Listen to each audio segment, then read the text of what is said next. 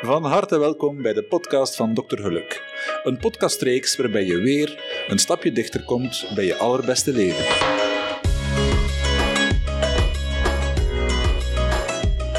Voilà, hij is klaar. Mijn eigen podcast. En inderdaad, nog maar eens een podcast van iemand de zoveelste in de rij zucht. Maar toch, ik wilde dat ook doen, omdat ik denk dat jij er ook wel iets kan aan hebben. En dus hier is hij dan, de podcast van Dr. Geluk. Ik vertel je eerst een bepalende gebeurtenis over een week, moet zo wat twintig jaar geleden zijn, een week waar ik naar twee begrafenissen ging. De eerste begrafenis was van de vader van een liefje van mij in het tweede jaar geneeskunde. Had ik een liefje wiens vader huisarts was. En die kerk die zat stampvol met patiënten. Nu, ik wist dat die moeder haar man gemist had. Ik wist dat die kinderen een afwezige vader gehad hadden. Die man was altijd, altijd aan het werk. Dat was zo'n toegewijde huisarts. Maar die kinderen en die echtgenoten hadden hem nauwelijks gezien. Ik was omringd door patiënten en al die patiënten hadden zoveel verdriet. En dat was voor mij heel raar, want ik wist dat die, de mensen op de eerste rij, die kenden die man niet of nauwelijks. En ik reed naar huis en ik dacht van, hoe zou dat bij mij zijn? Gaat de kerk later bij mij ook vol zitten met patiënten die verdriet hebben? En oh jee, het idee dat die eerste rij van de mensen die ik het liefst zie, dat die mij zouden gemist hebben, dat die mij niet zouden kennen, dat was voor mij een ondraaglijke gedachte. En in diezelfde week ging ik ook nog naar een andere begrafenis. Jeannette was een hoogbejaarde vrouw. Ik ging bij haar en haar man. Ik ging ook bij de kinderen. Ook de kleinkinderen waren patiënt, nadien ook zelfs de achterkleinkinderen. En bij Jeff en Jeannette was het altijd gezellig. Een heel klein huisje, eenvoudig, maar warm en gezellig. Altijd de zoete inval. En wat mij ontroerde was het afscheid dat ik kon meemaken. De tederheid en de puurheid waarmee ze elkaar omhelsden vlak voor het afscheid. Dat was zo ontroerend, dat was zo mooi. In die begrafenis van Jeannette zat eigenlijk heel weinig volk. Er waren een paar eerste rijen met haar naaste familie, haar kinderen, haar kleinkinderen. En ik dacht van, ja, dit is echt, hè, dit is echte liefde, voor elkaar zorgen. Maar dat was zo mooi, zo'n hechte familie, zo, zo warm, ja, zo liefdevol, zo zorgend voor elkaar. En dan dacht ik, ja, dat is misschien wel de begrafenis die ik zou willen op het einde van mijn leven. Dat hoeft geen volle kerk te zijn van mensen die mij niet zo goed kennen, maar die wel verdriet om mij hebben. En anderzijds, die eerste rijen, die zouden denken, had ze voor mij ook maar zoveel toewijding en tijd gehad. Dus dat is een heel belangrijke gebeurtenis geweest. Die week die was bepalend voor de rest van mijn loopbaan, voor de rest van mijn kijk op het leven. In deze eerste aflevering stel ik mij eerst graag aan je voor. Hè? Maar hoe begin ik daaraan? Oké, met mijn naam. Ik ben Saskia van Warenberg. Maar dan, hoe stel jij je voor? Vertel jij eerst wat je doet, welk werk je doet? Vertel je waar je vandaan komt? Of ga je meteen zeggen of je al of niet kinderen hebt? Of laat je meteen de ander vertellen over zichzelf? Nu, dat laatste is hier wat moeilijker. En ik heb erover nagedacht en en het liefst van al zou ik mij voorstellen door jou te vertellen hoe ik vroeger was en hoe ik nu in het leven sta. Want ik heb het gevoel dat ik nu heb waar ik al heel mijn leven op gewacht heb en, en naar getracht heb. En dat is mijn allerbeste leven. Ik weet niet hoe dat bij jou zit, maar ik heb het gevoel de laatste jaren dat het altijd maar beter en beter wordt. Hè? Door ervaringen, door lessen te leren, door meer mezelf te durven zijn. Hè?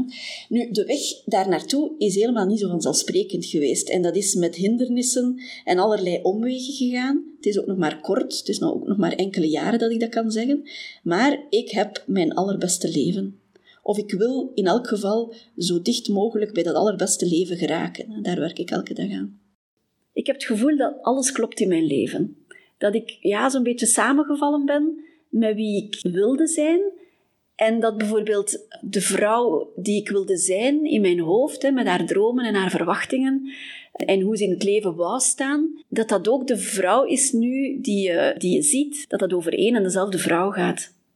En ik krijg daar heel veel vragen over. Hè. Mensen vertellen mij vaak dat ik hen inspireer met mijn voorbeeld. Dus ik dacht, oké, dan vertel ik jou graag in mijn podcast al die verhalen die bij mij het verschil hebben gemaakt. Want zelf hou ik heel veel van verhalen. Van sprookjes die mij vroeger werden voorgelezen. En dan de verhalen op school.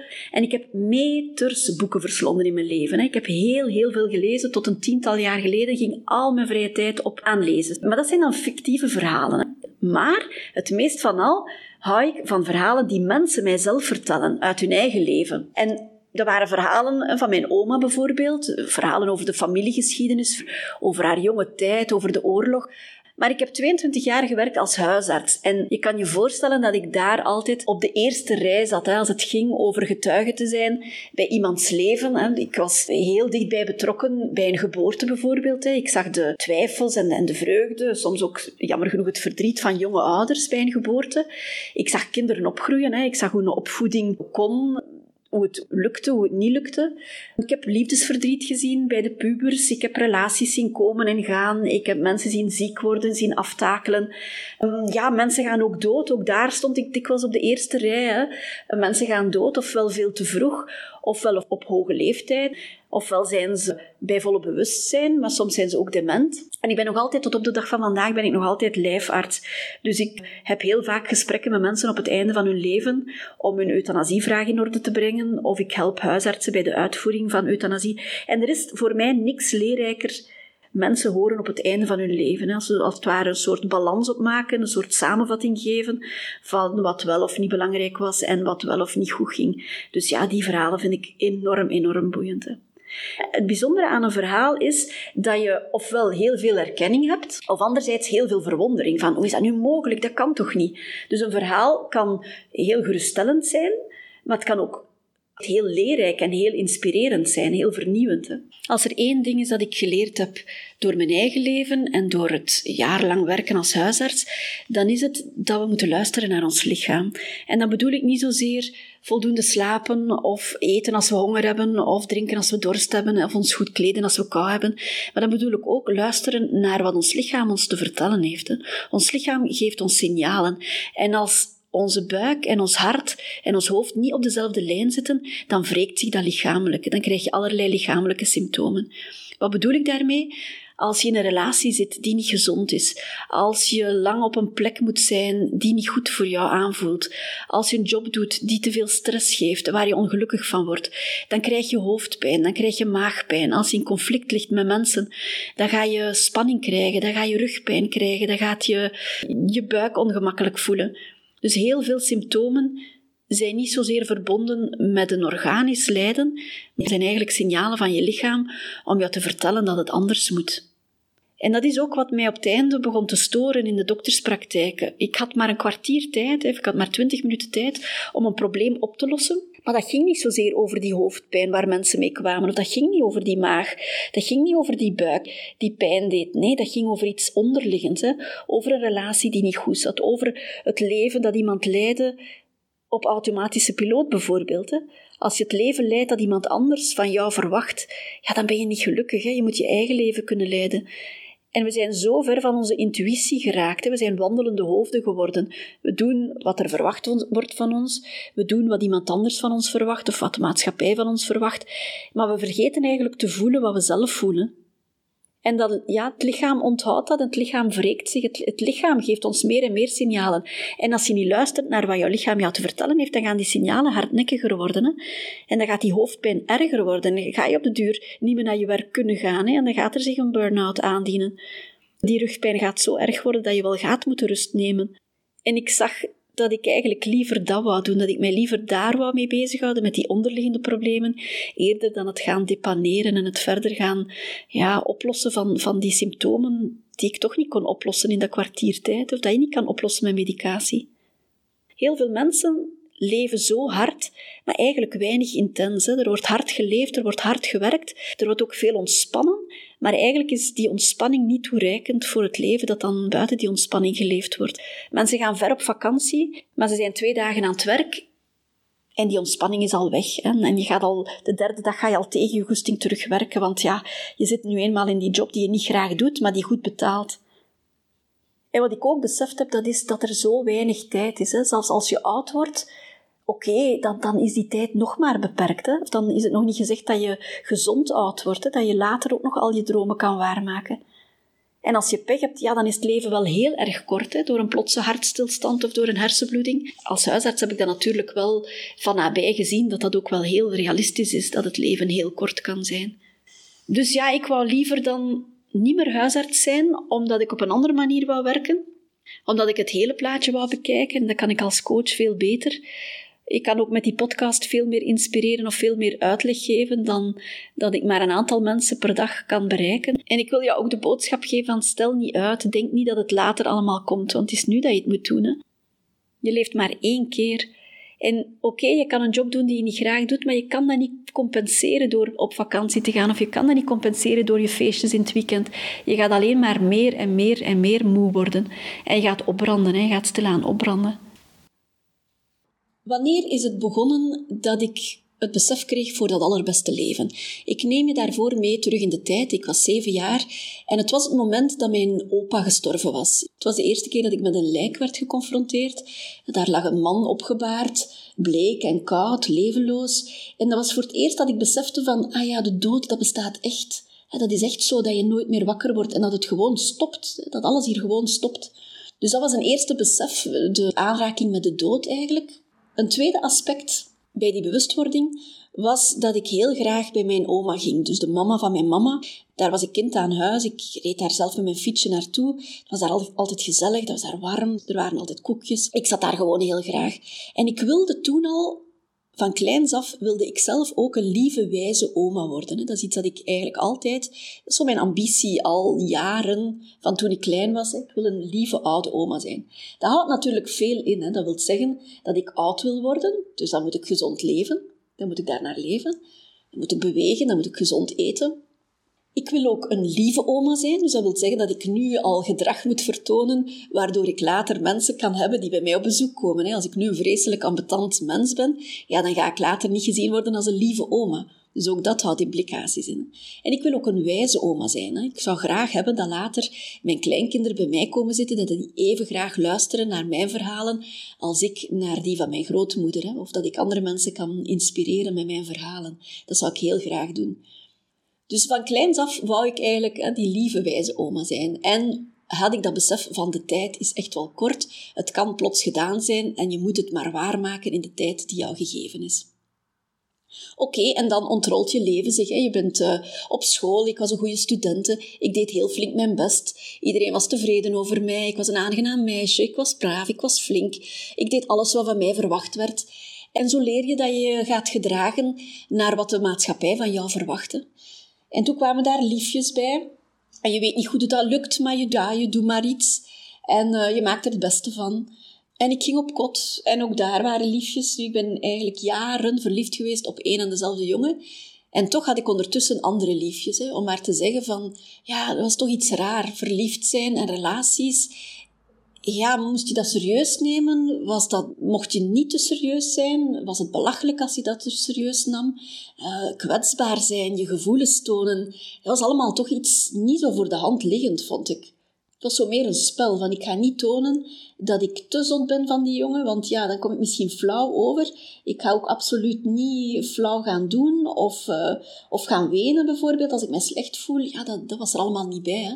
Er was mij geleerd om sterk te zijn, om onafhankelijk te zijn en ik gedroeg me daar dan ook naar. En toen was ik 21 en leerde ik mijn latere man kennen.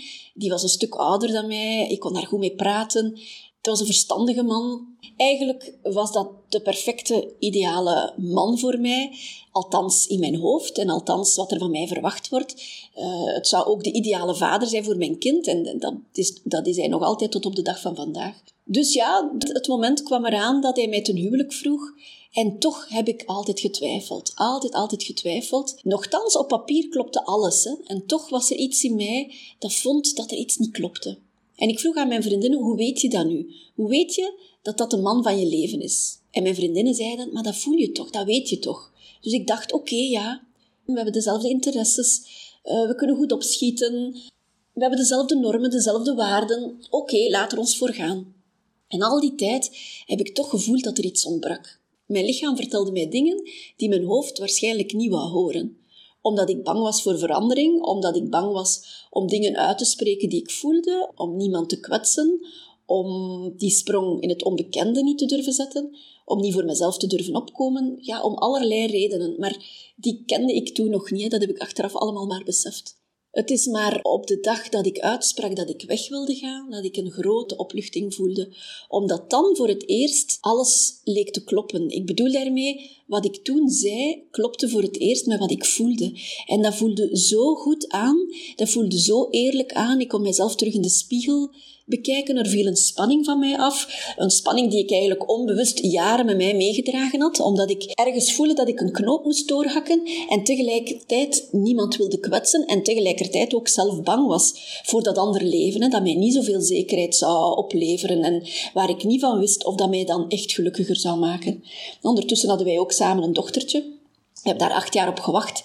Uh, we hebben allerlei, we hebben dertien IVF-pogingen gedaan. Dat elk op onze eigen manier verwerkt. Dat verdriet, die ontgoocheling, wat ook niet normaal was. Een koppel, ja, moet je man, je maatje zijn, je vriendje. Maar ik liet dat niet toe. Ik wilde niet kwetsbaar zijn bij mijn man.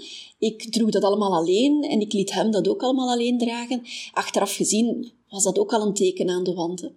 Het is maar op het moment dat ik eerlijk was met mijzelf en dat ik kwetsbaar durfde zijn en dat ik echt vrijuit kon zeggen wat ik wilde en wat ik voelde, dat alles samenviel en dat alles begon te kloppen.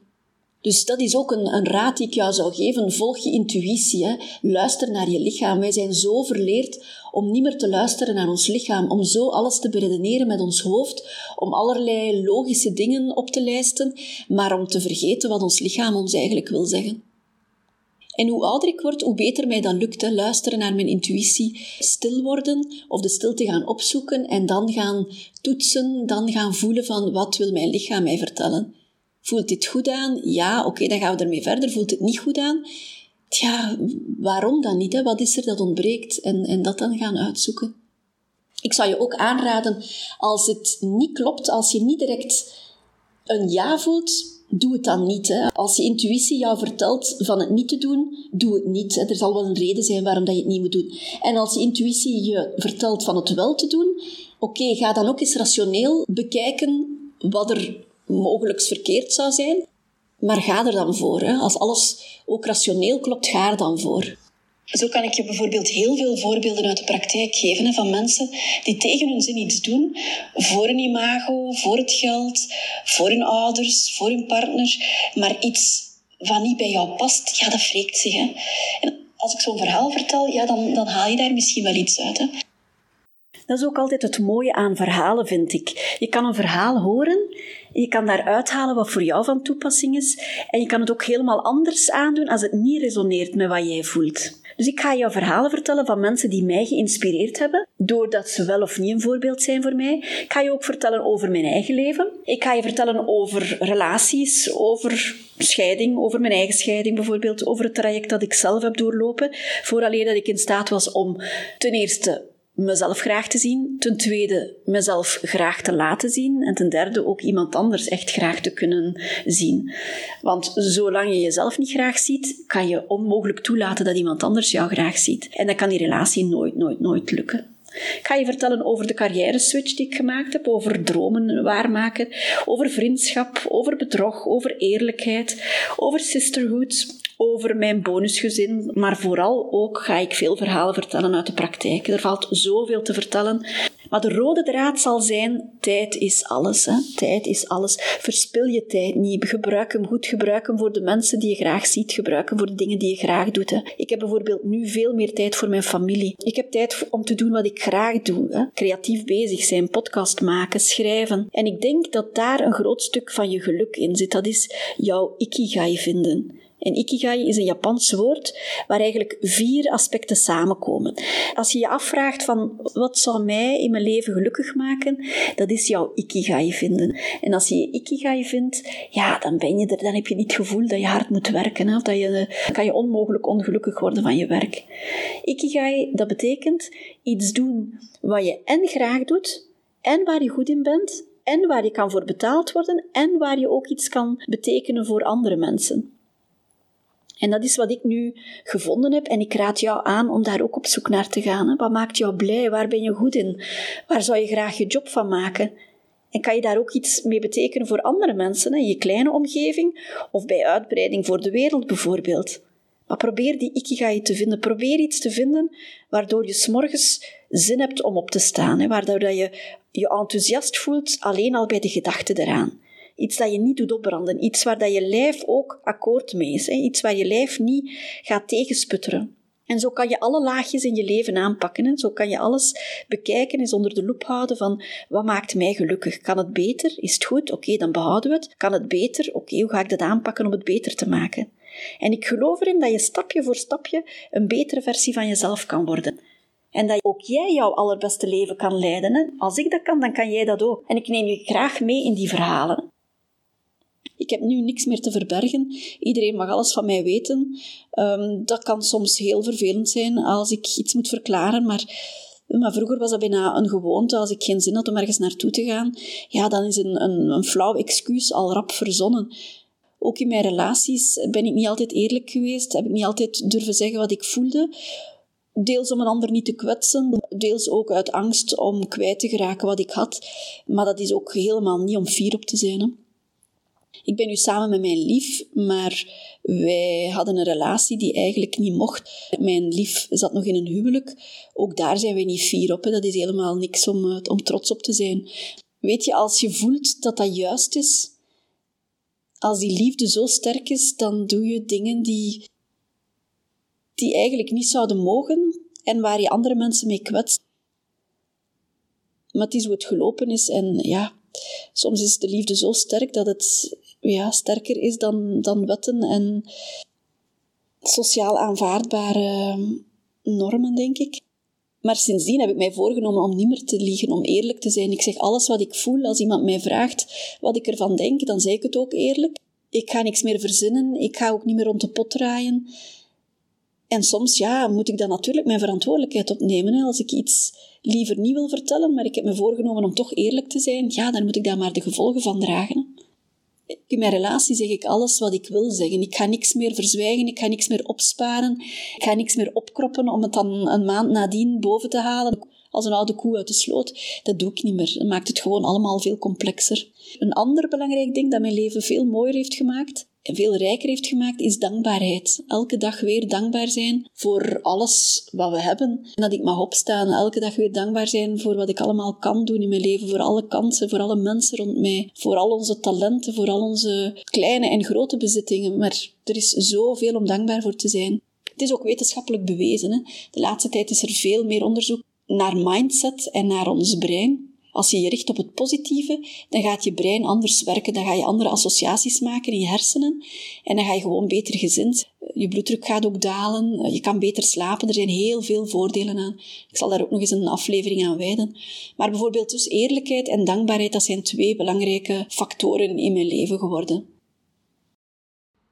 En dat zijn twee dingen die ik jou zeker wil aanbevelen als ik het met jou heb over je allerbeste leven. Het gaat niet zozeer over het materiële, maar in mijn geval gaat dat wel vooral over tijd. Hè. Tijd is alles. Tijd is zo kostbaar voor mij. Tijd is kostbaarder dan geld. Tijd komt niet meer terug. Geld kan je verliezen, geld kan je bijkrijgen, maar de tijd die, die tikt verder en die komt nooit meer terug. Hè.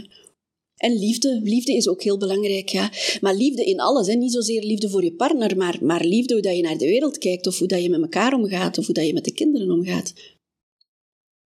Dus tijd is alles, liefde is alles, alles is liefde. Maar het allerbelangrijkste is dat ik heel graag leef, dat ik heel graag opsta, dat ik altijd honderd ideeën heb. En als ik me al zou vervelen, dan zijn er nog zoveel boeken die ik kan lezen, nog zoveel plekken die ik kan bezoeken, nog zoveel mensen die ik kan opzoeken. Dus ik ga me niet zo snel vervelen. Ik heb elke maand inspiratieavonden hier bij mij in de tuinkamer. Dan komen we samen met een tiental vrouwen en dan behandelen we enkele thema's. Intussen schrijf ik ook verder aan mijn roman. Ik heb wel wat last van uitstelgedrag, maar die roman die gaat er zeker komen. Ik doe ook één op één coachbegeleiding. En via Instagram kan je mij terugvinden onder Saskia van Varenberg of onder Dr. Geluk. Ik ben er snel terug met nieuwe afleveringen. Als je er geen enkele wil missen, abonneer je dan op mijn podcast Dr. Geluk. In de volgende aflevering heb ik het over een pot choco en hoe we daar allemaal anders naar kijken. Tot gauw!